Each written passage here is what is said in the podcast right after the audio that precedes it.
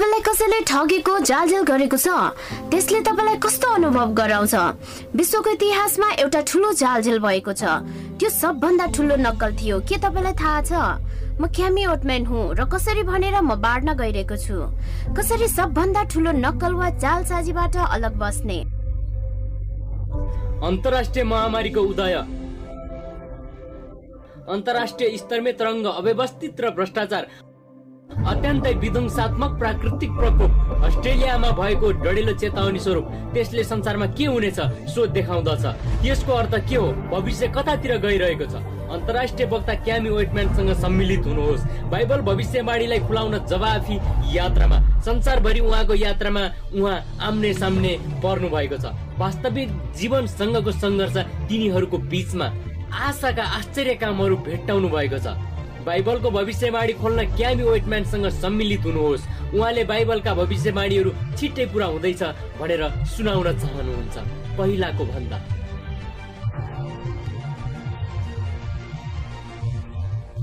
बाइबलको भविष्यवाणी खोल्ने कार्यक्रममा हामीसँग हुनुभएकोमा तपाईँलाई धन्यवाद। तपाईँहरू प्रत्येकसँग बाँड्न पाउँदा मलाई खुसी लागेको छ। तपाईँ पहिलो पटक हेरिरहनु भएको छ भने च्याटमा टिप्पणी पठाउनुहोस् र हामीलाई जानकारी दिनुहोस्। यदि तपाईँले हिजोको कार्यक्रममा सरिक हुन पाउनु भएन भने तपाईँ एडब्लुआर डट ओआरजी स्ल्यास बाइबलमा जानुहोस्। पुरानो कार्यक्रमहरू तपाईँले त्यहाँ पाउनुहुनेछ। हिजो हामीले समाजको बारेमा हेर्यौं त्यो परमेश्वरको आधिकारिक लाल मोहर हो। तपाईँले सोचिरहनु भएको होला किन विभिन्न तरिकाले धेरैजनाले आराधना गर्छन्। आज थाहा पाउँदा चकित हुनुहुनेछ।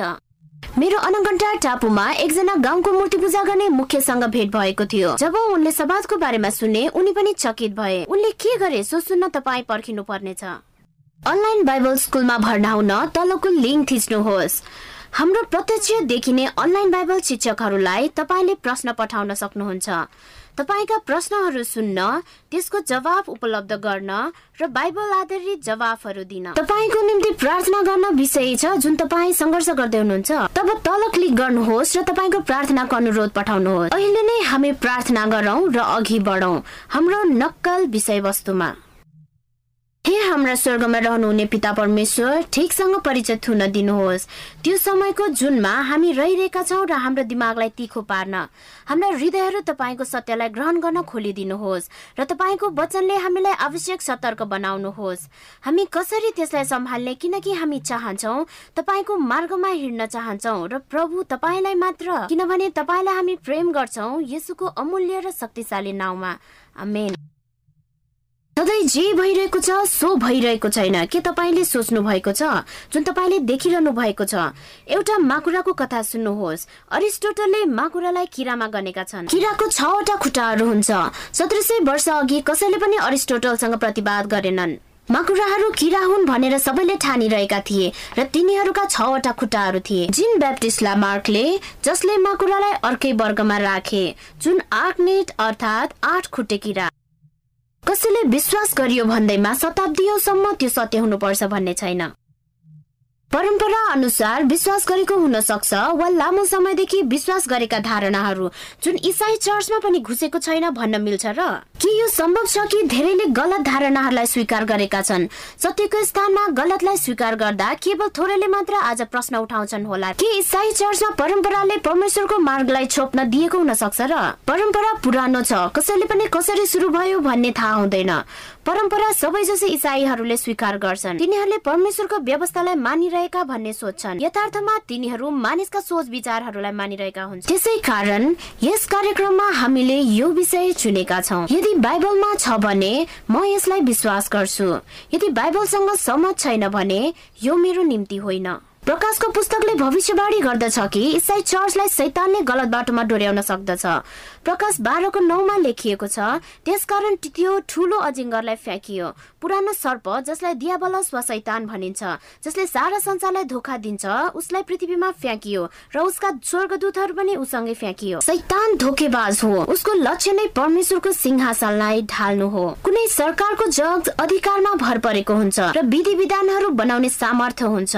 यदि तपाईँका अन्तर्गत रहेका मानिसहरूले तपाईँका विधिहरूलाई पालन गर्न अस्वीकार गरे भने तिनीहरू तपाईँको माथामा नबस्ने निर्णय गरेको देखाउँछ। शैतानले परमेश्वरको व्यवस्था वा दश आज्ञाहरूमा आक्रमण गरेको छ। उहाँको व्यवस्था वा दश आज्ञाको केन्द्रबिन्दु सबात हो। त्यसकारण यो तर्कयुक्त छैन। शैतान जो नरलोकको गुरु हो सृष्टिकर्तालाई उहाँको सबातलाई चुनौती दिएर आक्रमण गरेको छ। ती इसाईहरू इमान्दार हृदयका छन्। परमेश्वरको आफ्नै औलाले लेख्नु भएको दश आज्ञाहरू पढ्छन् र प्रस्थान बिसको आठदेखि दसको चौथो आज्ञा देख्छन्। जहाँ यो लेखिएको छ सबात दिन याद गर्नु र त्यसलाई पवित्र राख्नु। छ दिन तिमी परिश्रम गर्नु र तिम्रो सबै काम गर्नु। तर सातौं दिन चाहिँ तिम्रो प्रभु परमेश्वरको सबात हो।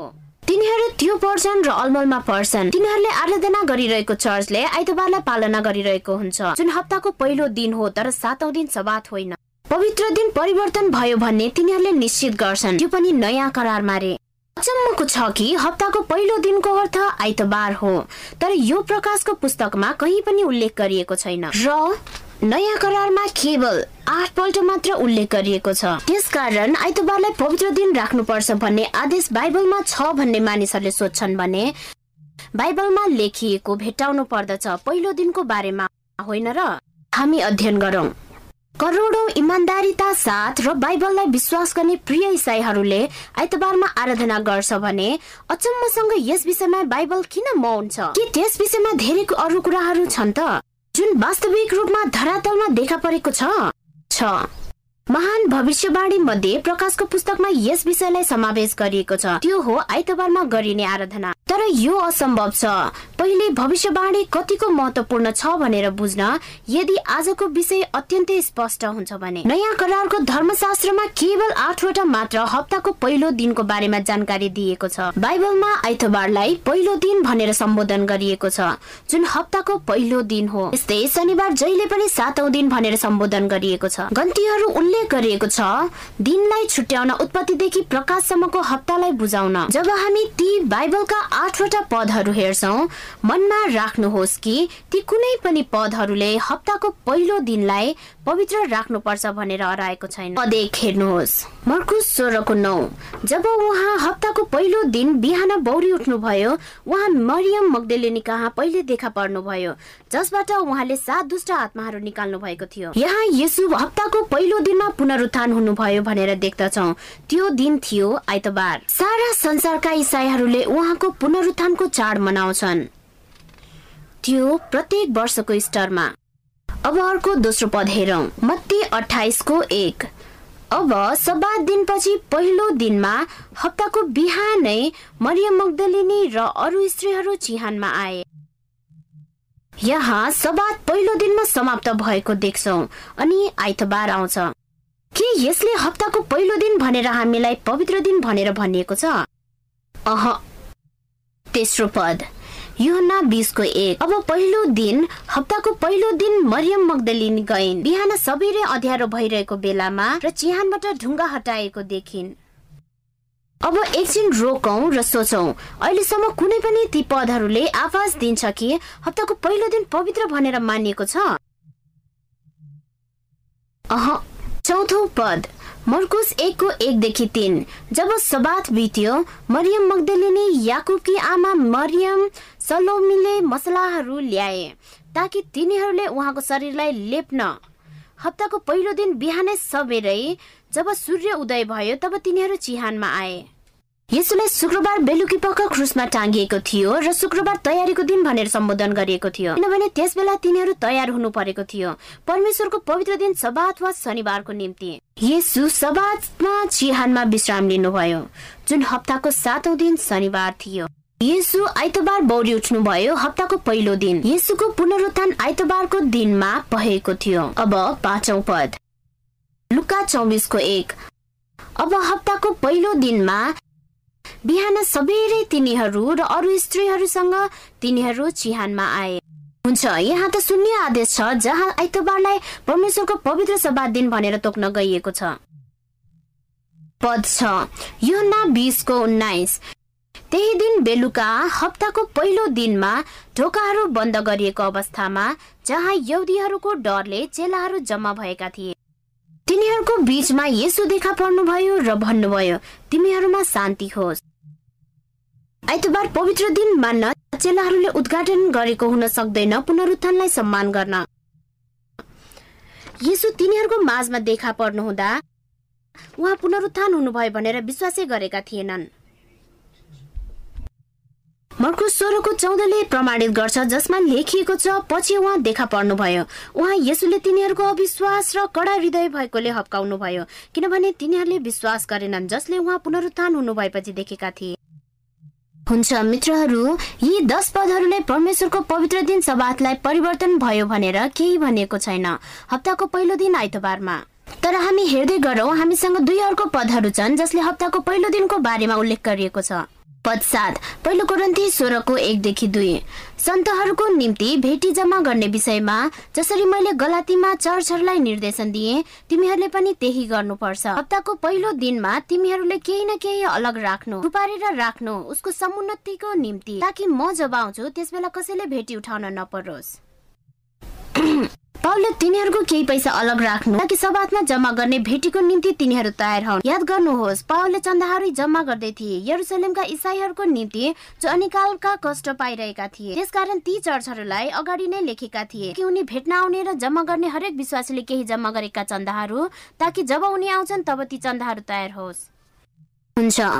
पद आठ। हाम्रो अन्तिम पद प्रेरित बिसको साथ। जब हप्ताको पहिलो दिनमा जब चेलाहरू रोटी भाँच्न जम्मा भए भोलिपल्ट पाउल यात्रामा जाँदै थिए। त्यसकारण तिनीहरूलाई उनले सम्बोधन गरे र उनले मध्यरातसम्म आफ्नो सन्देश सुनाए। के त्यस पदमा आइतबारलाई पवित्र दिन भनेर मान्नु भनिएको छ? सातौं दिन सबातलाई परिवर्तन गरियो हप्ताको पहिलो दिनमा भनिएको छ? अह छैन। तिनीहरूले रोटी भाँच्यो वा प्रभु भोज गर्यो भन्दैमा यस सेवामा यसले देखाउँदैन कि यो दिन पवित्र दिन हो। किनभने बाइबलले भन्छ तिनीहरूले दिन दिनै रोटी भाँचे प्रेरित दुईको छब्बिसमा लेखिएको छ तिनीहरू एक मनका भएर निरन्तर रूपमा दिन दिनै मन्दिरमा घर घरमा रोटी भाँच्दै तिनीहरूले खुसी साथ खाना खाएर हृदयको सरलता साथ हामीले नयाँ करारको सबै आठैवटा पदहरू हेर्यौं जसमा पहिलो दिनको बारेमा सम्बोधन गरिएको छ। तपाईँ आफैले हेर्नुभयो त्यहाँ कुनै पनि परिवर्तन भएको कहिले आवाज दिएको छैन। त्यसकारण आराधनाको दिन कसरी परिवर्तन भयो त? के त्यो परिवर्तन गरिएको दिन नक्कली दिन होइन त? सच्चा हृदयले लुका चारको स्वरलाई यसरी पढ्छ कि यसुको चलन चल्ती वा बानी अनुसार चर्चमा सातौं दिन सबातमा चर्च जानुभयो। मत्तीको बिचमा ख्रिस्टले भन्नुभयो कि उहाँका चेलाहरूले चालिस वर्ष पछिसम्म पनि सबात पालना गरिरहनेछन्। जुन क्रुस पछिको कुरो थियो जब उहाँले भन्नुभयो र तिमीहरूको भगाई जाडो मौसममा नहोस् वा सबातमा प्रेरित तेह्रको बयालिसदेखि चौवालिसमा प्रेरित पावलले झन्डै सारा सहरलाई सातौँ दिन सबात पालना गर्नु भनेर सिकाएका थिए। इसाईहरूले प्रकाश एकको दसमा पढ्छन् कि प्रभुको दिन छ। अनि तिनीहरूले लुका छको पाँचमा पढ्छन् सबाथमा नै प्रभुको दिन हो। तिनीहरूले त्यही कुरो मर्कुस दुईको सत्ताइसदेखि अठाइस र मत्ती बाह्रको आठमा भन्छन्। कसले सबाथ परिवर्तन गर्यो भनेर तिनीहरूले सोद्धा तिनीहरू नै अलमलमा पर्छन्। परमेश्वरले त होइन किनभने बाइबलमा भन्छ मलाई कि तिनको छमा लेखिएको छ? म प्रभु हुँ म परिवर्तन गर्दिन। त्यसप्रति म आभारी छु किनभने म निश्चय हुन सक्छु कि उहाँको वचनमा हिजो आज र भोलि समान छन्। परमेश्वरको त्यो चरित्रप्रति मलाई धेरै मन पर्छ अनि तिनीहरूले बाइबल पढ्छ र तिनीहरूले यो देख्छन् यसुले सबादलाई परिवर्तन गर्नु भएन। हिब्रू तेह्रको आठमा बाइबलले यो प्रतिज्ञा लेखिएको छ यीशु ख्रिस्ट हिजो आज र सदा सर्वदा एक समान हुनुहुन्छ। त्यसकारण परमेश्वरले सबातलाई परिवर्तन गर्नु भएन। हो परमेश्वरले सबातलाई परिवर्तन गर्ने उहाँको कुनै चाहना थिएन। प्रेरित पाँचको उनातिस तर पत्रुस र अरू प्रेरितहरूले जवाफ दिए हामी मानिसहरूको भन्दा परमेश्वरको आज्ञा पालन गर्नुपर्छ। जिज्ञासा यो छ कसले सबातलाई परिवर्तन गर्यो त? प्रकाशको पुस्तकको अध्याय तेह्रमा एक पशुको बारेमा भनेको छ जो समुद्रबाट निस्केको थियो। यही अध्यायमा हामी पढ्छौ पशुको छाप र छ सय छैसठ। तर पशुको बारेमा दिएको जानकारी हेर्नुहोस्। प्रिय मित्रहरू जब बाइबलमा पशुहरू भनेर सम्बोधन गरिन्छ त्यसको अर्थ राज्य शक्ति तथा अधिकारका प्रतीकहरू हुन्। कुनै राक्षस वा डरलाग्दो जीव होइन बुझ्नुभयो? हुन्छ। यसुले हामीलाई प्रेम गर्नुहुन्छ र प्रकाशको पुस्तक हाम्रो निम्ति यसुको प्रेम पत्र हो। त्यसकारण यसरी पढौँ कि यो मनमा राखेर। प्रकाश तेह्रको एक। जब म समुद्रको किनारमा उभिए मैले एउटा पशु देखेँ जो समुद्रबाट उठिरहेको थियो। उसका सातवटा टाउकोहरू र दसवटा सिंहहरू र उसका सिंहहरूमा दसवटा मुकुटहरू र उसका टाउकोहरूमा ईश्वर निन्दा गरिएको नाउँ थिए। यहाँ सही उदाहरण छ। यहाँ बाइबलमा उल्लेख गरिएको पशु जसले राजनैतिक शक्तिलाई प्रतिनिधित्व गर्दछ वा धार्मिक शक्ति राज्य। यो उदय भएको शक्ति ईश्वर निन्दित शक्ति वा अधिकार हो। परमेश्वरको मात्र भएको शक्ति र अधिकारलाई आफ्नो भनेर दावी गर्दछ।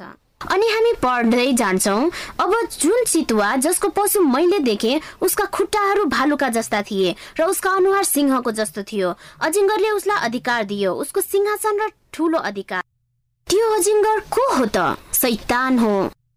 ठुलो अधिकारका साथ उसले यो शक्ति प्रदान गर्छ। सारा संसारले उसको कुरालाई सुन्छ र आफ्नै व्यवस्था वा कानुनको घोषणा गर्दछ। परमेश्वरको व्यवस्थाको सट्टामा। विशेष गरेर सभालाई आक्रमण गर्ने विषय भएको थियो। पशुको बारेमा बुझ्न हामी अर्को पुस्तक पल्टाउँछौ। दानियलको पुस्तक सातौं अध्याय। यहाँ पनि प्रकाश तेह्रको पशुको बारेमा गरिएको त्यही चित्रण पाउँछौ। सिंह भालु र अजिङ्गर प्रकाश तेह्रको रहस्य जान्न दानियल सात अध्यायले सिकाउँदछ र पुरै विषय जान्न पशुको छाप र छ सय छैसठ। आफ्नो वचन लेख्ने परमेश्वरलाई म प्रेम गर्छु। अब दानियल सातको दुईदेखि तिन हेरौँ। दानियल बोल्छन् मैले रातको दर्शनमा यो देखे र हेर चारवटा बतासहरू आकाशबाट आएका थिए जसले ठुलो समुद्रलाई हल्लाइदियो। चारवटा पशुहरू समुद्रबाट आए र एक अर्कोसँग फरक थियो। बाइबलको भविष्यवाणी व्याख्या गर्दा यो मूल तत्व ख्याल गर्नुहोस्। दानियल सातको सत्रमा त्यो ठुलो पशुहरू जो चारवटा थिए तिनीहरू चार राजाहरू हुन् जुन पृथ्वीबाट उत्पन्न हुन्छ। दानियल सातको तेइस चौथो पशु पृथ्वीको चौथो राज्य हुनेछ। चारवटा राज्यहरूलाई प्रतिनिधित्व गर्ने पशुहरूलाई दानियलले देख्छन्। ती राज्यहरू यस पृथ्वीमा शासन गर्ने चारवटा राज्यहरू हुन् जुन दानियलको समयदेखि सुरु भएर अन्तको समयसम्म देखाउँदछ। यदि तपाईँहरू पहिलो रातमा हामीसँग हुनुभएको भए पहिलो प्रस्तुतमा हामीले दानियल दुईको चारवटा राज्यहरूको बारेमा गरेको चर्चा तपाईँहरूलाई थाहै होला। त्यो मूर्तिमा भएका धातुहरूले Babylon Medo Persia Greece Rome र विभाजित युरोपको प्रतिनिधित्व गरेका थिए जुन दानियल दुईको दर्शनलाई बुझाउँदछ। यसले दानियलको समयदेखि विभाजित युरोपको बारेमा प्रकाश पार्दछ जो उदय भएर परमेश्वरको व्यवस्थालाई बदल्ने प्रयास गर्दछन्। बाइबलले भविष्यका भविष्यवाणी गरेको हामीले हेरौं र स्पष्टसँग हेरौं कि इतिहासले बाइबलको भविष्यवाणीलाई पुरा भएको बताउँदछ। अब पहिलो पशु। दानियल सातको चारले भन्छ पहिलो पशु सिंह जस्तो थियो र उसको चिलहरूको जस्तो पखेटाहरू थिए। जबसम्म यसका पखेटाहरू उखेलेनन् तबसम्म मैले हेरिरहे। अनि यसलाई पृथ्वीबाट उचालियो र यसरी उभ्याइयो कि दुईवटा खुट्टा भएका मानिसहरूको जस्तै र उसलाई हृदय मानिसको जस्तो हृदय दिएको थियो। पहिलो पशु सिंह जस्तो थियो जसको चिलहरूको जस्तो पखेटाहरू थिए। पुरातत्व विदहरूले इराकमा खोज नीति गर्दै जमिन खन्दै थिए। त्यो जमिन पौराणिक बेबिलोन थियो। त्यहाँ चित्रहरू खोपिराखेका भेटाइए। ती चित्रहरू पर्खालमा थिए। तिनीहरूको चिलको जस्तो पखेटा भएको सिंहको थियो। सिंहले बेबिलोनको प्रतिनिधित्व गरेको थियो अनि अर्को राज्यको उदय भयो। अर्थात् बेबिलोनले सधैँ राज्य गर्ने होइन रहेछ। दानियल सातको पाँच। अचानक अर्को पशु दोस्रो भालु जस्तो। त्यसको शरीरको एक भाग माथि उठेको थियो र त्यसका तीन करङहरू थिए र उसको मुखको दाँतहरूको बीचमा। तिनीहरूले त्यसलाई भन्यो उठेर जति सक्यो त्यति मासु हसुर। मिड र पर्सिया दुई राज्यहरू मिलेको राज्यले बेबिलोनको पतन गरायो। मिड पर्सियाको भालुले आफ्नो शरीरको एक भाग उठाएको। अर्थ पर्सिया राज्यले गरिएको प्रथम पतन गरियो बेबिलोनको अनि मिड राज्यलाई दबाइयो भालुको मुखमा के थियो? तीनवटा करङहरू। तपाईँले हेर्नुहुन्छ जब मिर र पर्सियाले संसारलाई जितेका थिए यसले पहिला बेबिलोनलाई जितेको थियो। त्यसपछि यो उत्तरतिर गएर लिडिया राज्यलाई जित्यो अनि दक्षिणतिर गएर इजिप्टलाई जित्यो। यी तीन राष्ट्रहरू बेबिलोन र लिडिया र इजिप्ट राष्ट्रहरू तीन करङहरूको प्रतिनिधित्व गर्दछ। बाइबलको भविष्यवाणी ठिक भएको देख्नु भएको छ। मलाई त मन पर्यो। दानियल सातको छमा तेस्रो राज्यको उदय हुन्छ। त्यसपछि मैले देखेँ र त्यहाँ अर्को चितुवा जस्तै जसको पिठ्युमा चराको जस्तै चारवटा पखेटाहरू थिए। त्यस पशुको चारवटा टाउकाहरू पनि थिए र उसलाई दबाउने अधिकार दिएको थियो। भविष्यवाणी गरिएको तेस्रो राज्य ग्रिस थियो। अलेक्जेन्डर महानको बारेमा हामीलाई थाहा छ। ग्रिसको इतिहासमा उनी अत्यन्तै प्रख्यात अगुवा थिए। उनी केवल तीस वर्षको मात्रै थिए जब उनले सारा संसारलाई जिते। त्यो पनि एकदमै छिटो। ग्रिस राज्यलाई पखेटाहरू भएको चितुवा भनेर किन चित्रण गरियो? चारवटा टाउकोहरूको अर्थ के हो? अलेक्जेन्डर महानको तेत्तिस वर्ष हुँदा मृत्यु भयो। अरू राष्ट्रहरूको जस्तै अलेक्जेन्डरका छोरा राजगति सम्हालेनन्। तर उनका चारजना सेनापतिहरूले ग्रिक राज्यलाई चार भागमा विभाजित गरे र प्रत्येकले एक एकवटा राज्य सम्हाले। चितुवाको चारवटा टाउकाहरू भएको सत्य साबित भयो। मित्रहरू यदि तपाईँ र मेरो निम्ति यो धेरै महत्वपूर्ण छ भने यो हामीलाई जान्न आवश्यक छ किनकि हाम्रो भविष्यलाई थाहा पाउन एकदम जरुरी छ। जब केही कुरो हुन्छ भनेर बाइबलले सतर्क गराउँछ भने हामी विश्वास गर्न सक्छौँ र हामी विश्वास गर्छौँ कि बाइबलले भनेकै अनुसार ठिक समयमा पुरा हुन्छ। परमेश्वरले आफ्नो वचनमा हामीलाई दिएको चेतावनीहरूलाई निश्चयताका साथ हामी लिन सक्छौ। हामीलाई तर्साउन होइन तर तयारी पार्न। दानियल सातको साथमा बाइबलले चौथो साम्राज्यको बारेमा वर्णन गर्दछ। त्यसपछि रातको दर्शनमा मैले देखे र हेरे। चौथो पशु जुन डरलाग्दो र भयानक थियो साथै अत्यन्तै बलियो। यसको फलामको ठुला ठुला दाँतहरू थिए। यसले सखा पार्दै थिए र टुक्रा टुक्रा पार्दै थिए र बाँकीलाई पनि कुल्ची रहेका थिए। उसका खुट्टाहरूले यो पशु अगाडिको पशुहरू भन्दा फरक थियो। यसको दसवटा सिंहहरू थिए। यो एकदम स्पष्ट छ कि चौथो पशु फलामका दाँतहरू भएको अर्थ रोमी साम्राज्य हो। यो अवधिले हामीलाई ख्रिस्टको समयमा ल्याउँछ। जब रोमले संसारमाथि आफ्नो अधिपत्य जमाएको थियो धर्म रोम साम्राज्यको समयमा उदय भएको थियो। रोम साम्राज्यको पतनको बारेमा बाइबलले स्पष्ट रूपमा वर्णन गर्दछ। मूर्तिका खुट्टाका औलाहरूले प्रतीकले र चौथो पशुको सिंहहरूले दुईको मूर्तिको खुट्टाहरू फलामको र त्यसका औलाहरू फलाम र माटोको जसले युरोपलाई देखाउँछ। चौथो पशुका दसवटा सिंहहरू थिए। रोमी साम्राज्य दसवटा मुख्य राज्यहरूमा विभाजित भएको रोमको इतिहासले भन्छ। त्यस समयमा असभ्य वा जङ्गली जातिहरूले युरोपलाई आफ्नो कब्जामा लिएका थिए र अधर्म चर्चमा घुसेको थियो र त्यसै बेला आराधनाको मामिलामा द्वन्द भएको थियो र हप्ताको सातौं दिन सबातलाई आइतबारमा परिवर्तन गरियो। दानियल सातको आठ। जब मैले सिंहको बारेमा सोचिरहेको थिएँ अनि अर्को सानो सिंह देखा परे तिनीहरूको बीचबाट आएको थियो। त्यसको तीन सिंहहरूमा पहिलो सिंहहरूलाई जरैदेखि उखालेका थिए। अनि त्यस सिंहको आँखाहरू जुन मानिसहरूका आँखा जस्ता थिए र मुखले ठुला ठुला बकवासहरू गरिरहेका थियो। युरोपका दसवटा सिंहहरूमा अर्को शक्तिको उदय भएको थियो। त्यो शक्ति थियो सानो सिंह। त्यो शक्ति अरू कुनै भन्दा अलग थियो। त्यो सिंह को हो भनेर बाइबलले स्पष्टसँग प्रमाण सहित चिनाउँछ। पहिलो यो सानो सिंह पहिलो दसवटा सिंहहरूको बीचबाट आउँदछ। त्यसकारण यदि दसवटा सिंहहरू रोमको विभाजित राज्यहरू हुन् भने अनि यो सानो सिंह पश्चिमी रोम भित्रबाट आएको हुनुपर्छ। यो सानो सिंह एसिया र अफ्रिकाबाट उदय हुँदैन न त अमेरिकाहरूबाट जसका जराहरू युरोपको माटोमा छन्। दोस्रोमा बाइबलले भन्दछ त्यो सानो सिंह दसवटा सिंहहरू पछि उदय हुनेछ। त्यसकारण यो बेबिलोनको साम्राज्यको समयमा आउन सक्दैन। न त मिर पर्सिया न त ग्रिस वा रोम। यो रोमी साम्राज्यको पतन पछि आएको हुनुपर्छ। मित्रहरू यो स्पष्ट छ कि किनभने धेरै अनुमानित सिद्धान्त वा शिक्षाहरू छन् जुन बाइबल सहमत छैन। यो सिंह रोमको पतन पछि आउनु पर्दछ बाइबलले भन्दछ यो सिंहका आँखाहरू छन् जुन मानिसको जस्तो। आँखाले बौद्धिकतालाई प्रतिनिधित्व गर्दछ तर यो मानिसको बौद्धिकता हो परमेश्वरको होइन। यो मानवीय धार्मिक प्रणाली हो जसको आधार मानिसका शिक्षा दीक्षाहरू जुन रोमबाट उदय हुने थियो। दानियल सातको चौबिसमा हेर्नुहोस्। यो फरक वा अरूभन्दा एकदमै भिन्नै छ। बाइबलले भन्दछ पहिलाहरूभन्दा ऊ फरक हुनेछ। किनभने यो केवल राजनैतिक शक्ति मात्र होइन यसको धार्मिक शक्ति हुन्छ। यो शक्तिले के गर्छ त? यसले परमेश्वरको व्यवस्था वा दश आज्ञाहरूलाई परिवर्तन गर्न प्रयास गर्नेछ।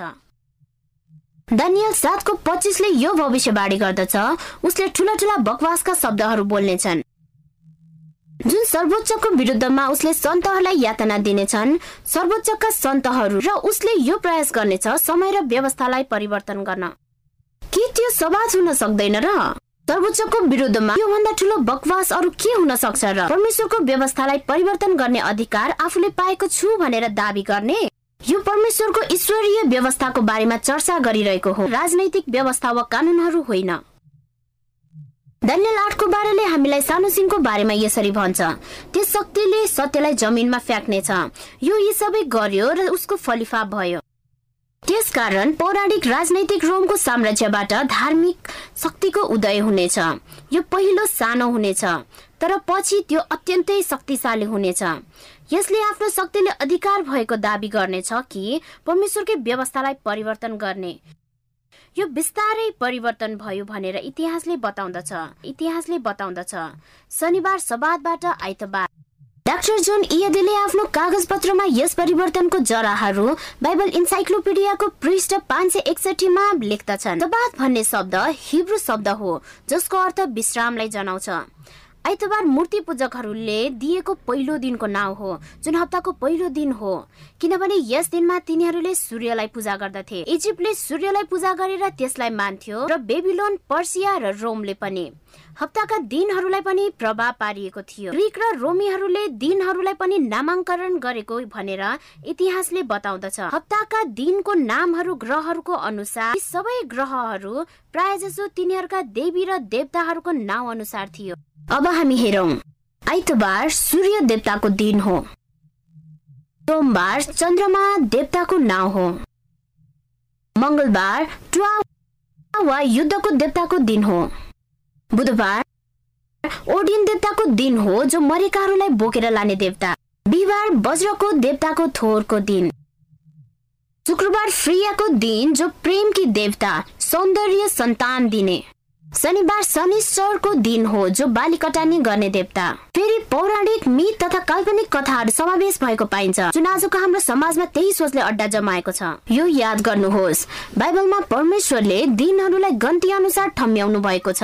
हामीसँग पहिलो दिन अनि सातौं दिन जुन पुरानो करार भरि त्यही क्रम अनुसार दिनलाई तोकिएको छ र नयाँ करारमा पनि। परमेश्वरले हप्ताको दिनहरूलाई गन्ती अनुसार सम्बोधन गर्नुहुन्छ।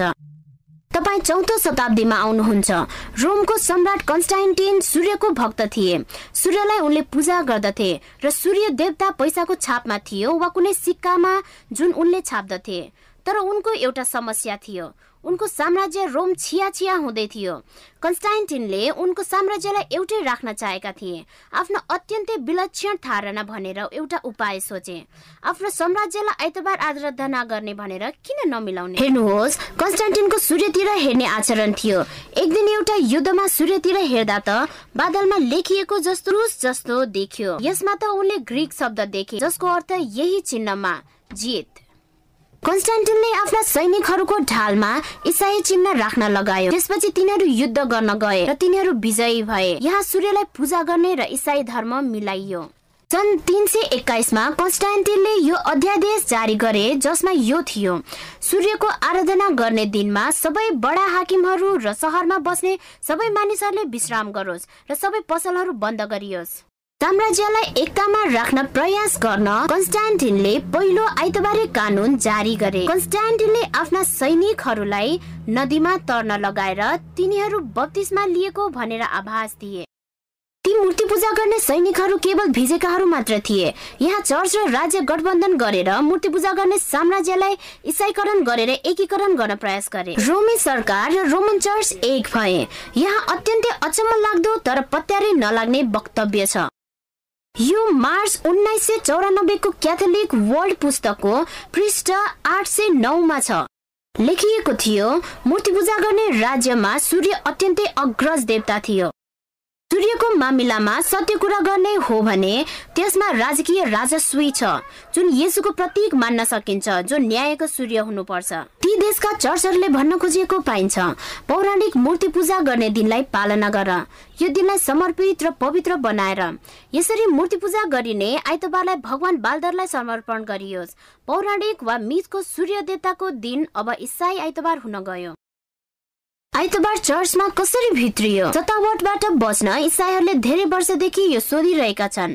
आफूहरू यहुदीबाट अलग देखाउन बिस्तारै आइतबारलाई जोड दिए र भने यो दिन त येसु ख्रिस्टको पुनरुत्थानको दिन भएको कारणले अनि बिस्तारै चर्चका अगुवाहरूले मूर्ति पूजाको देवता सूर्यको दिनमै आराधना गर्न सजिलो भएको महसुस गर्न थाले।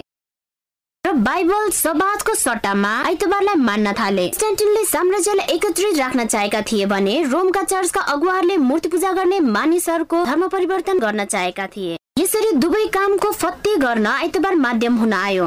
बाइबलको सवादलाई परिवर्तन गरियो रोमको चर्च र रोमको सरकार वा राज्यले। तर परमेश्वरले परिवर्तन गर्नु भएको थिएन। यसुले परिवर्तन गर्नु भएन चेलाहरूले पनि परिवर्तन गरेनन् कि दुई करोड भन्दा बेसी यहुदीहरू हप्ताको कुन दिनमा तिनीहरू उठे भनेर बिर्से रे राष्ट्रिय स्तरमा नै तिनीहरूले हप्ताको सवाद पालना गरिरहेका थिए। सातौं दिन शनिबारलाई त्यो पनि प्रस्थानको समयभन्दा अघि नै।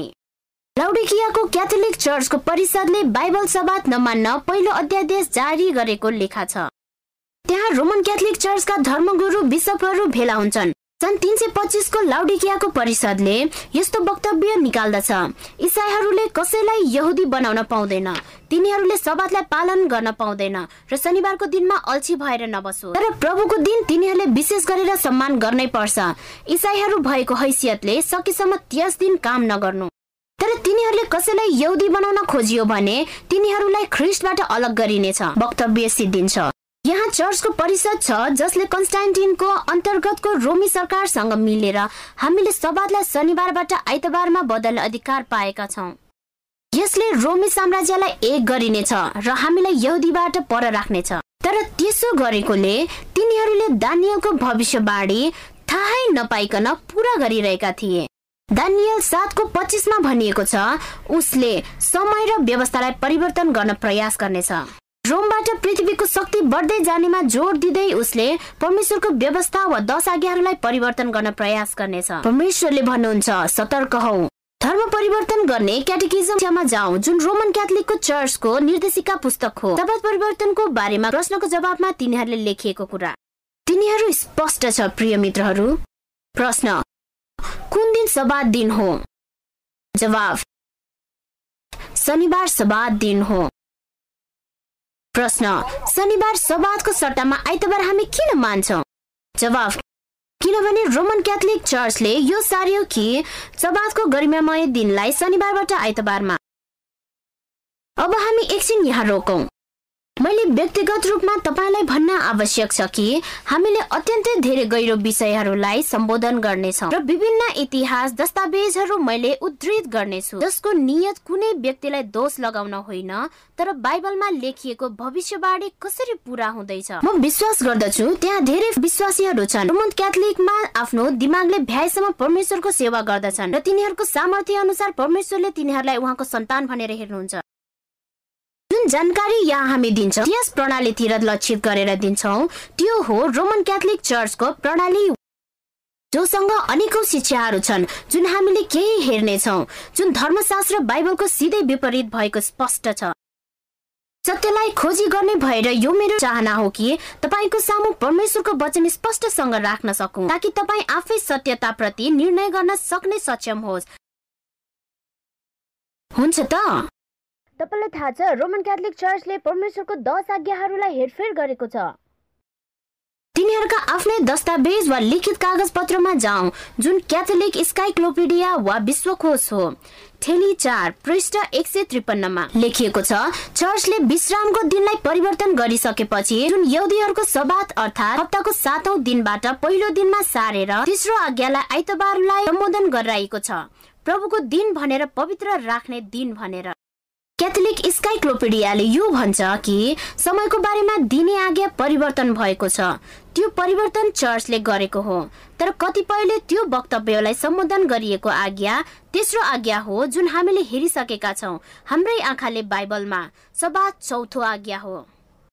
मध्यकालीन युगको रोमन क्याथोलिक शक्तिले दश आज्ञालाई बदलेको थियो। दोस्रो आज्ञालाई दश आज्ञाहरूबाट हटाएर जुन मूर्तिलाई पूजा नगर्न आदेश दिएको थियो तर सन्तहरूको मूर्तिलाई आराधना गर्न त्यो आदेशलाई हटाइयो। तिनीहरूको यथार्थमा नौवटा आज्ञाहरू मात्र छन् तर तिनीहरूले दश आज्ञाहरू बनाए। तिमीले लोभ नगर्नु भन्ने आज्ञालाई दुई भागमा विभाजित गरे। त्यसले गर्दा दस आज्ञाको समस्यालाई समाधान गरियो। यसले दिमागलाई कसरी ठम्माइ राख्छ भनेर देखाउँछ कि चर्चले परमेश्वरको वचन भन्दा आफूलाई माथि राखेको छ। रोमन क्याथोलिक चर्चको एक प्रखर विद्वान कार्ल किटिङले प्रोटेस्टेन्टहरूलाई चुनौती दिँदै एउटा पुस्तक लेखे। भने कि यदि तपाईँहरू बाइबलकै अनुसार चल्न चाहनुहुन्छ भने तपाईँहरूले बाइबलले नै भनेको सवाद पालना गर्नुपर्छ। क्याथोलिजम एन्ड फन्डामेन्टलिजममा उनका शब्दहरू पढौँ। जुन पृष्ठ अडतिसमा लेखिएको छ। फन्डामेन्टलिजम अर्थात् सुधारवादी इसाई वा प्रोटेस्टेन्टहरूले आइतबारमा आराधना गर्दछन् तर त्यसो गर्न बाइबलले अनुमोदन गरेको छैन। कि सबैजना मिलेर आइतबारमा नै परमेश्वरको आराधना गर्नुपर्छ। यहुदीहरूको सबात वा विश्रामको दिन शनिबार थियो। रोमन क्याथोलिक चर्चले यो निर्णय गर्यो कि सबै इसाईहरूले आइतबार नै आराधना गर्नुपर्छ। त्यो येसुको पुनरुत्थानलाई सम्मान गर्न। अर्को शब्दहरूमा उनी भन्छन् तपाईँ बाइबलकै अनुसार चल्न चाहनुहुन्न भने तपाईँहरू क्याथोलिक चर्चहरूतिर फर्कनु पर्छ भनेर जुन चर्चले आफ्नो अधिकार भएको स्वतन्त्र रूपमा दावी गर्छ कि आफ्नो अनुकूल अनुसार परमेश्वरको व्यवस्था परिवर्तन गर्यो। अब एकछिन हेरौँ परमेश्वरले स्पष्ट चेतावनी दिनु भएको छ कि उहाँसँग र उहाँको वचनसँग खेलवाड नगर्नु। प्रकाश बाह्रको अठार र उन्नाइसमा लेखिएको छ म प्रत्येकलाई यो घोषणा गर्दछु कि जसले यस पुस्तकमा रहेको भविष्यवाणीका वचनहरू सुन्दछन् वा कसैले तिनीहरूमा थप्दछन् परमेश्वरले उसलाई महामारीहरू थप्नुहुनेछ जुन यस पुस्तकमा लेखिएको छ। यदि कसैले यस पुस्तकबाट कुनै शब्दहरू यसबाट निकाल्यो भने जसमा भविष्यवाणी छ परमेश्वरले उसको त्यो भाग निकाल्नुहुनेछ जुन जीवनको पुस्तकमा लेखिएको अनुसार पवित्र सहरमा सहभागी हुने। यो त एकदम गम्भीर मामिला हो मित्रहरू। मती पन्ध्रको तिनदेखि नौमा उहाँ अर्थात् यसुले जवाफ दिनुभयो र तिनीहरूलाई भन्नुभयो तिमीहरूले पनि किन यो उल्लङ्घन गर्छौ?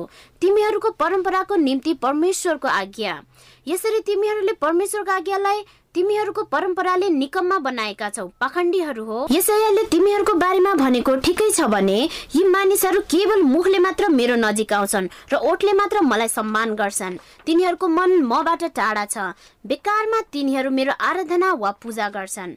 मानिसहरूका शिक्षा दीक्षा सिकाएर। आइतबारलाई पवित्र मान्नुपर्छ भन्ने इसाईहरूको धारणा परम्पराबाट आएका हुन् र मानिसहरूका नीति वा आज्ञाहरू अनुसार। तपाईँ कसको पछि लाग्नुहुन्छ परमेश्वर कि मानिस? जुन विषयवस्तु छ त्यो बाहिरबाट हेरिनु भन्दा गम्भीर छ। केवल एक दिन वा अर्को दिन मात्र होइन तर तपाईँको मार्ग निर्देशक कसलाई चुन्नु भएको छ? बाइबल मानिसले बनाएको परम्परा। सोच्नुपर्ने विषयवस्तु छ कि के कुनै मानवीय चर्च वा मानवीय धार्मिक अगुवा जुनसुकै नियत वा कारणहरू भए तापनि के परमेश्वरको व्यवस्थालाई परिवर्तन गर्ने अधिकार छ त? जुन परमेश्वरले आफ्नै हातले ढुङ्गाको पार्टीमा लेख्नु भएको थियो। कसको अधिकार छ त्यो नै सबै मामिला हो। कसको आराधना वा पूजा गर्छौ भनेर हामी देखाउँछौ। सैतानको विद्रोहमा कसको आराधना वा पूजा गर्ने भन्ने कुरामा निहित भएको छ। यो उत्पत्तिमा सुरु भएको ठिक कि बेठिक भन्ने विषयवस्तु चुन्ने मामिला हो। कैन र हाबिलको कथाले दुई थरीका मानिसहरूको बारेमा चित्रण गर्दछ जो दुईजना दुईतिरको बाटोमा लाग्छन्। एकजनाले परमेश्वरले अराउनु भएको अनुसार उहाँको आराधना गरे भने अर्कोले निश्चय नै गरेको थिएनन्। कुन चाहिँको बलिलाई परमेश्वरले आशिष दिनुभएको थियो र ग्रहण गर्नु भएको थियो? कसको घमण्ड वा अहङ्कारले आफ्नै भाइलाई मार्न पुगेर परमेश्वरको श्राप पायो? कैन र हाबिललाई एउटै बाबुआमालाई जन्माएका र हुर्काएका थिए। तिनीहरूमा परमेश्वरको बारेमा फरक धारणा वा मनस्थिति थियो र उहाँको अधिकारमा पनि। यहाँ नै बाटो फरक भएको पाइन्छ। हाबिलले सृष्टिकर्ताले उपलब्ध गराउनु भएको बाटोमा दया देखेको थियो जसमा मानव जातिको निम्ति मुक्ति थियो। तर कहिले आफ्नो हृदयदेखि परमेश्वरको विरुद्धमा विद्रोह गर्यो? ती दुई दाजुभाइका हृदयहरूमा फरक भएको थाहा थिएन। तर जब तिनीहरूले परमेश्वरको सामु बलिको भेटी ल्याए कैन र हाबिलको बीचमा भएको नाटक खासै गरेर कैन र आफूमा भएको सङ्घर्ष हो। कैनलाई पश्चाताप गर्न अवसर दिएको भए तापनि उसले आफ्नो हठीलाई बलियोसँग झन झन पक्रिराख्यो र परमेश्वरबाट टाढा टाढा भएर उहाँप्रतिको आस्थामा लरबराउन थालेको थियो। मुक्ति दिने परमेश्वरको योजनालाई सम्झौता गरे पाउने होइन। यो उपहार हो। तपाईँ विजयी भएर जन्मनु भएको होइन न त हरुवा भएर। तपाईँलाई आत्मनिर्णयको स्वतन्त्रता दिएको छ। अर्थात् चुन्ने आज नै तपाईँले कसको आराधना गर्ने वा कसको सेवा गर्ने चुन्नुहोस्। प्राय जसो शैतानको रणनीतिमा मैले व्यवस्था गर्ने वा परमेश्वरको आज्ञाहरूमा एकलाई तोड्ने। याकुब दुईको दसदेखि बाह्रमा हामीलाई यसरी भनिएको छ जसले व्यवस्थाको सबै बुदाहरूलाई पालना गर्छ तर एउटालाई भङ्ग गरेमा सबै भङ्ग गरिएको दोषी ठहर्छ। परमेश्वरको व्यवस्था किल्लाको दसवटा पाटाहरू जस्ता हुन्। एउटा पाटा मात्रै भत्काउन आवश्यक पर्छ जसबाट शत्रुलाई पस्न सजिलो बनाउँछ। शैतानलाई एक इन्च मात्र ठाउँ दिनुहोस्। ऊ तपाईँको शासक भएर तपाईँमाथि शासन गर्नेछ। परमेश्वरले आदमलाई जे दिनुभयो त्यसलाई पछ्याउन म निर्णय गर्दछु जुन अदनको बगैँचामा दिएको थियो। प्रभु येसु आफैले दिनुभएको उदाहरणहरूको पछि लाग्न म निर्णय गर्छु। तपाईँ आफै के भन्नुहुन्छ? सबात महान चिन्ह हो भनेर परमेश्वरले भन्नुभएको थियो। यो चिन्हले हामी ख्रिससँग उभिएका छौँ वा उहाँको वफादारी हौ भनेर देखाउँदछ। अदनको बगैँचामा शैतानले हब्बालाई भन्यो के फरक पर्छ र? सबै रुखहरू त्यस्तै छ शैतानले बेचेको झुटलाई किनेकोले हब्बाले अदनको बगैँचा गुमाउनु पर्यो। र आज पनि धेरै इसाईहरू त्यही झुटलाई खरिद गरिरहेका छन्। तिनीहरूले भन्छन् जुन दिन आराधना गरे पनि के फरक पर्दछ र? किनभने सबै दिन त्यस्तै हो। तर परमेश्वरको निम्ति सबै दिनहरू एकै छैन। केवल एक दिनलाई मात्र उहाँले आशिष दिनुभयो त्यो हो सातौं। एक दिनलाई मात्र उहाँले पवित्र तुल्याउनु भएको थियो अलग राख्नु भएको थियो अनि केवल त्यस दिनमा मात्रै परमेश्वरले विश्राम लिनुभयो जुन हो सबात थियो। जुन मामिलाको बारेमा हामी यहाँ चर्चा गरिरहेका छौँ त्यो अधिकारको मामिला हो। कसको आज्ञा मान्ने हो? हामीले चुन्नु पर्छ बाइबल कि परम्परा। यसो कि धार्मिक अगुवाहरू। परमेश्वरको व्यवस्था कि मानिसको नीति नियम। परमेश्वरको निर्देशन कि मानवीय शिक्षा वा निर्देशन। परमेश्वरको मार्ग कि मानिसको मार्ग। त्यसको अर्थ आइतबार पालना गर्ने कसैले पनि मुक्ति पाइँदैन भन्न खोजेको हो। कदापि होइन। आइतबारलाई पालन गर्ने धेरै मानिसहरू छन् जसले यसुलाई प्रेम गर्छन्। त्यसको अर्थ आइतबार पालना गर्ने प्रत्येकले मुक्ति गुमाउँछ भन्न खोजेको होइन। तिनीहरूले ज्ञान पाए अनुसार तिनीहरू चलिरहेको हुन सक्छ।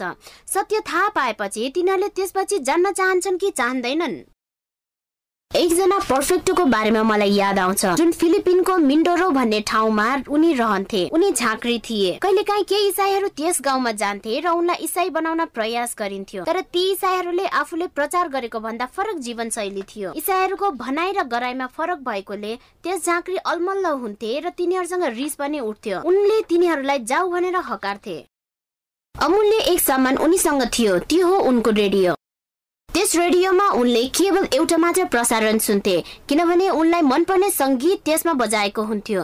तब एक दिन उनको मनपर्ने गीत सुनेको लगत्तै अर्को नयाँ प्रसारण भयो जसले उनको ध्यानलाई आकर्षित गर्यो। त्यस प्रसारणमा हप्ताको सातौँ दिन सबादको बारेमा चर्चा गरिएको थियो। त्यो सत्य विश्रामको दिन भनेको उनले सुने। जुन अरू इसाई भनाउँदाहरूले सिकाएको भन्दा फरक थियो। उनी खुसी भएर गाउँको आइतबार पालना गर्ने चर्चमा गए र तिनीहरू गलत दिनमा परमेश्वरको आराधना गर्दैछ भनेर सुनाए। सुनाए किनभने त्यो कुरा उनले रेडियोबाट सुने। त्यसपछि उनले गाउँका सबै मानिसहरूलाई एक ठाउँमा बोलाए र उनको रेडियो सुन्न लगाए। सबैले त्यस रेडियोमा आएको कार्यक्रम मन पराए। अर्को दिन पनि अझ कार्यक्रम सुन्न तिनीहरू सबै भेला भए। जब कार्यक्रम आयो तिनीहरू सबैजना खुसी भए। पर्फेक्टोको दिमागमा यो विश्वास उब्जियो कि उनले सत्यलाई सुन्दैछ। त्यो रेडियो कार्यक्रम चलाउनेको उनले खोजनीति गरे र उनलाई सुनाए कि सबै गाउँलेहरूले बत्तिसमा लिन चाहन्छन्। तिनीहरू सतहत्तर जना थिए। बाइबलको सत्यले उनको जीवनलाई मात्र परिवर्तन ल्याएन उनको सारा गाउँ नै परिवर्तन भयो। पर्फेक्टो बाहिर निस्केको मैले कहिल्यै पनि बिर्सिन्दिन। पानीबाट आएर उनका हातहरू यसुतिर आफ्नो बत्तिसमामा उठाएका थिए। जब चौध सय जना मानिसहरू उनलाई साथ दिएका थिए यसुलाई तिनीहरूको जीवन सुम्पिएका थिए। प्रकाश चौधको बारेमा परमेश्वरको वचनले भन्दछ। सन्तहरूको धैर्य धारण यो हो जसले परमेश्वरका आज्ञाहरू पालना गर्छन् र यसुमा विश्वास राख्छन्। युगको अन्तको इतिहासमा परमेश्वरको एक समूह हुनेछ जसले यसुलाई प्रेम गर्दछ। तिनीहरूले उहाँलाई यत्तिकै धेरै प्रेम गर्नुहुन्छ कि जे मूल्य चुकाए तापनि तिनीहरूले उहाँलाई प्रेम गर्छन्। जसरी एकजना स्त्रीले आफ्नो बाटो लाग्दै नजिकको तलाउमा बत्तिसमाको लागि गइन्। उनले यस कार्यक्रममा जस्तै भविष्यवाणी सम्बन्धी सभामा सरिक भएकी थिइन् तर उनको श्रीमानले उनको घोर विरोध गरेका थिए। तर बत्तिसमाको दिनमा उनले आफ्नो घर छोडिन्। उनी सेतो वस्त्रमा थिइन् र उनको श्रीमान उनले थाहै नपाई पिछा गरेका थिए। उनी बन्चरो लिएर आफ्नो पिठीमा बोक्दै थिए। पास्टरले मानिसहरूलाई बोलाउँदै थिए पानीभित्र जान। त्यस स्त्री पनि पानीमा गइन्। त्यस बेला उनको श्रीमानले उनलाई अचानक रोके। थम्क्याउँदै उनलाई भने एक कदम अघि नबढ्नु नत्र भने त्यो उनको अन्तिम दिन हुनेछ। उनले बिस्तारै आफ्नो पछाडि भएको बन्चरो देखाए। तर उनी नडराई उनको पाइला पानीमा नटेकेसम्म अगाडि बढिन् अनि घुँडासम्म पानी आएपछि उनले सुरिलो आवाजमा भनिन् कसैले पनि यसुलाई मेरो मुक्तिदाता हुनबाट रोक्न सक्दैन एकदम रिसाएर चुनौती दिँदै उनको श्रीमानले उनलाई भने एक कदम अघि नबढ्नु उनले आफ्ना आँखाहरू बन्द गरेर भनिन् ए प्रभु मेरो जीवन तपाईँलाई दिदछु। मेरो जीवन तपाईँलाई दिदछु। मैले सत्यको बारेमा सिकेँ र म पछि हट्दिन। उनको आँखाबाट आँसु झर्दै थियो र आँसु झरेको उनले देखिनन्। त्यो आँसु उनको श्रीमानको थियो। अचानक त्यहाँ सन्नाटा छायो। सबैजनाले हेर्दै थिए। उनको श्रीमानले आफ्नो बन्चर उठाए तर झार्न मात्र। उनले चिच्याए यदि तिम्रो जीवन तयार छ भने यसुको निम्ति म पनि उनलाई चिन्न चाहन्छु। प्रिय मित्र के तपाईँ यसुले जहाँ डोर्याउनुहुन्छ त्यहाँ तपाईँ जान तयार हुनुहुन्छ? जुनसुकै परिणाम भोग्नु परे तापनि बाटोहरू कहिलेकाहीँ कठिन हुन सक्छ। तर यसले तपाईँलाई परमेश्वरको सहरमा भएको जीवनको रुखमा लैजानेछ। आउनुहोस् हामी प्रार्थना गरौँ। हे स्वर्गमा रहनुहुने परमेश्वर पिता सत्यले बोलाउँदैछ र हामी तपाईँतिर आवाज उठाउँदैछौ। हे यसु तपाईँको दया र बलको निम्ति के छुट्याउने र के बुझ्नु पर्ने हो त्यस वरदान हामीलाई दिनुहोस्। जब हामी तपाईँमाथि पुरा भरोसा राख्छौ तब हामीलाई स्पष्टसँग देखाउनुहोस्। यस संसारमा केही पनि योग्यको छैन। जुन हाम्रो मुक्तिको बदलामा गुमाउनु पर्छ बाइबलले सिकाएका अनुसार हाम्रो समर्पणतामा रहन हामीलाई सुरक्षा दिनुहोस्। प्रभु येसुको अमूल्य र शक्तिशाली नाउँमा। आमेन आज रातको कार्यक्रम विसर्जन गर्नुभन्दा अघि प्रिय मित्रहरू म तपाईँलाई यो भन्न चाहन्छु कि तपाईँलाई यो अवसरको जवाब दिन जुन सन्देश तपाईँले भर्खरै सुन्नुभयो तपाईँले एउटा जवाब दिनुहोस्। वा अरू देखाएका ऐच्छिक सूचीहरूमा पहिलो रोजी हो सबादको विषय मलाई स्पष्ट छ। यदि तपाईँ सहमत हुनुहुन्छ भने त्यसमा क्लिक गर्नुहोस्। दोस्रोमा म बाइबलको सबादको बारेमा बुझ्छु कि यो हप्ताको सातौं दिन हो। तेस्रो म स्वीकार गर्दछु र विश्वास गर्दछु कि सातौं दिन सबाद दिन हो। परमेश्वरको पवित्र आज्ञाहरू अनुसार। र म सबादलाई पवित्र दिन भनेर पालना गर्न चाहन्छु। चौथौ सबादको बारेमा अझ बढी सामग्रीहरू पढ्न म चाहन्छु। र अन्तमा तपाईँहरू कतिले मलाई सोधिरहनु भएको छ यसको बारेमा कि म बत्तिसमा लिन चाहन्छु र त्यस प्रक्रिया सुरु गर्न चाहन्छु। यहाँ दिएको लिङ्कमा क्लिक गर्नुहोस्। प्रिय मित्रहरू यहाँ तपाईँहरू मध्ये कोही उभिरहनु भएको छ जोसँग कुनै प्रश्न छ? त्यसको जवाब दिन वा तपाईँसँग प्रार्थना गर्न। दिएको लाइनमा जोड्न क्लिक गर्नुहोस्। भोलि फेरि आउन नबिर्सिनुहोला। भोलिको विषय धेरै महत्वपूर्ण छ जुन तपाईँले छोड्न चाहनुहुन्न। तपाईँको मृत्यु भएपछि बाइबलले के भन्छ? तपाईँले सोच्नु भएको भन्दा फरक पाउनुहुन्छ होला। परमेश्वरले तपाईँलाई आशिष दिउन् र हाम्रो विषयको निम्ति भोलि भेटौला। चिहान जहाँ हामीले बाइबलको भविष्यवाणी खोल्नेछौँ। परमेश्वरको बाटो रोज्नुहोस्। शुभरात्रि प्रिय मित्रहरू।